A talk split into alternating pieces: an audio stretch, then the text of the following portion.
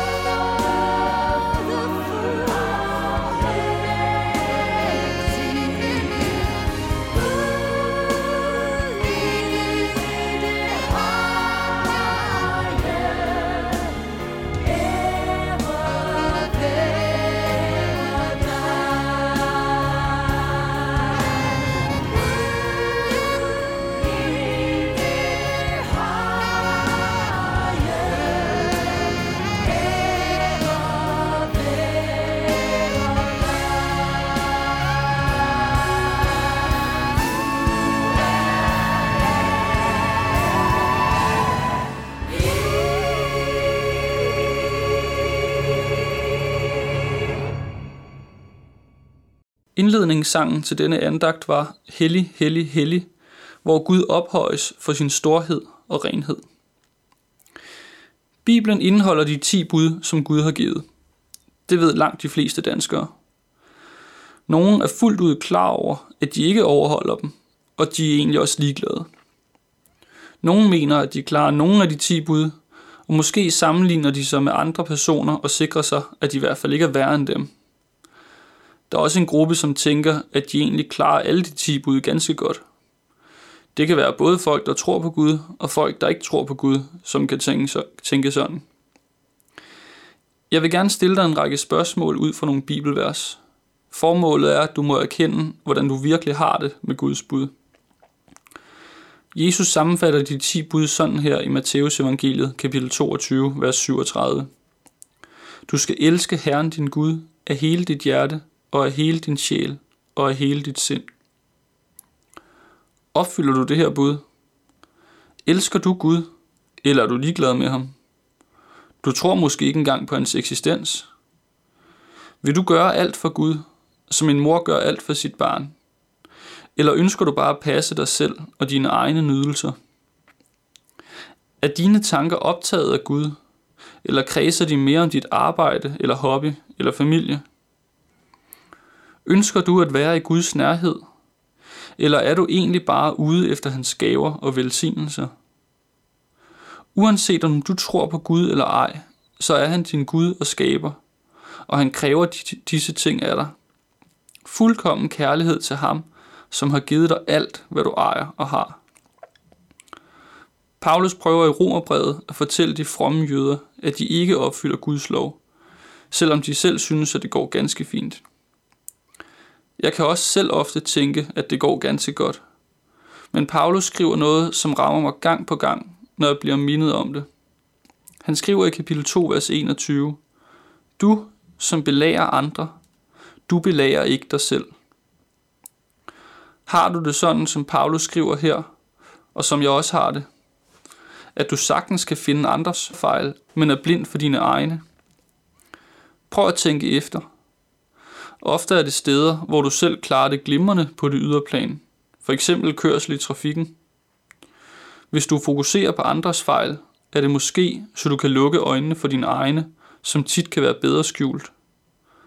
For mig er det ofte mine tanker, der opfører sig langt værre end andre menneskers handlinger. Overholder du de ti bud? Klarer du at elske Herren din Gud af hele din personlighed, og ikke at pege fingre af andre? Bibelens budskab er tydeligt. Forbandet være den, der ikke holder ordene i denne lov i hævd og følger dem, står der i 5. Mosebog kapitel 27, vers 26. Og de skal straffes med evig undergang, fjernt fra Herrens ansigt. 2. Thessalonikerbrev, kapitel 1, vers 9. Hvis Guds bud ikke bliver overholdt, straffes det med helvede. Hvad er formålet med, at jeg har fortalt dig alt dette?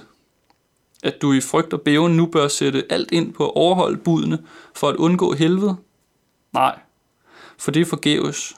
Det vil alligevel aldrig lykkes dig. Målet er, at du nu står med en lukket mund over for Gud.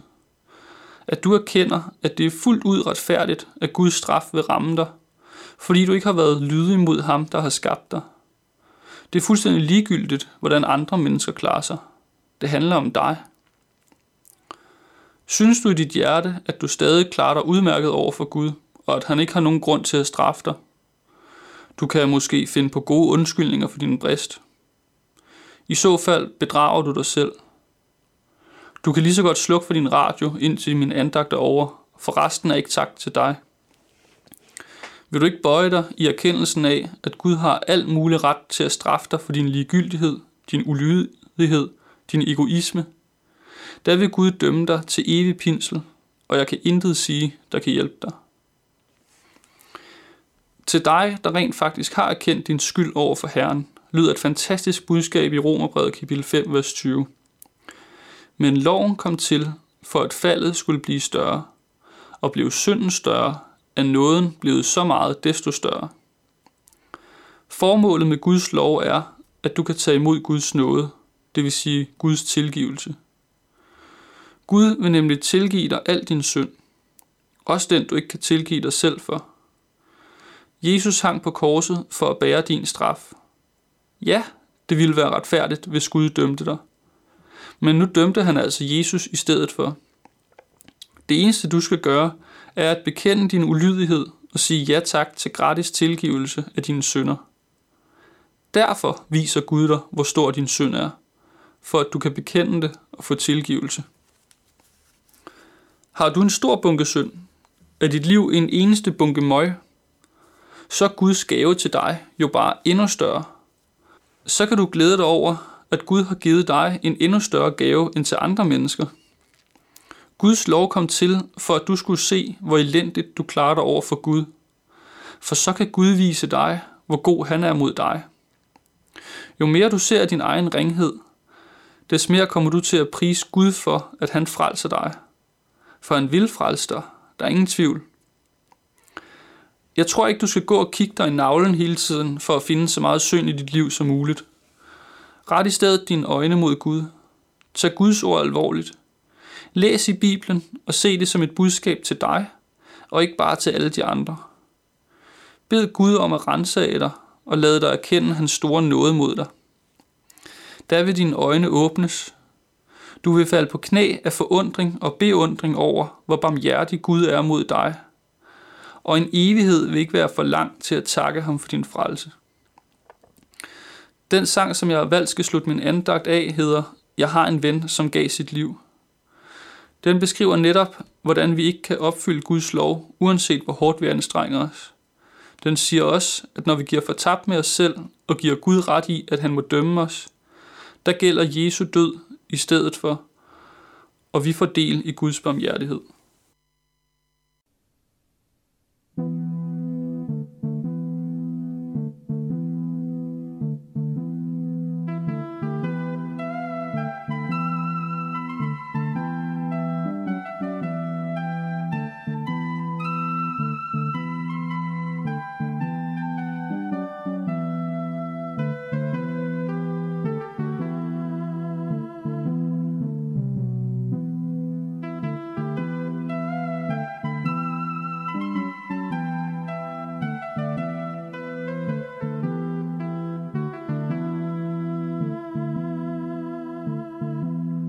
Jeg har en ven, som gav sit liv, for at jeg skulle leve.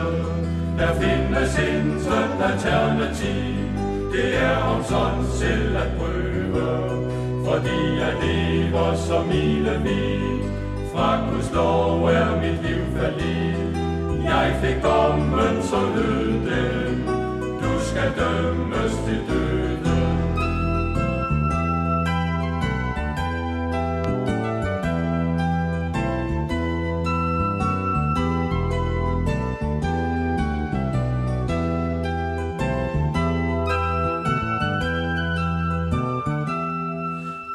Skal ikke dø, fordi Jesus døde i stedet. Al min dødsangst er nu forbi, den er byttet med glæde. Ja, Jesus hjælp mig til at forstå, at det liv, jeg nu leve må, det er dit liv alene. Det er dig, jeg skal tjene.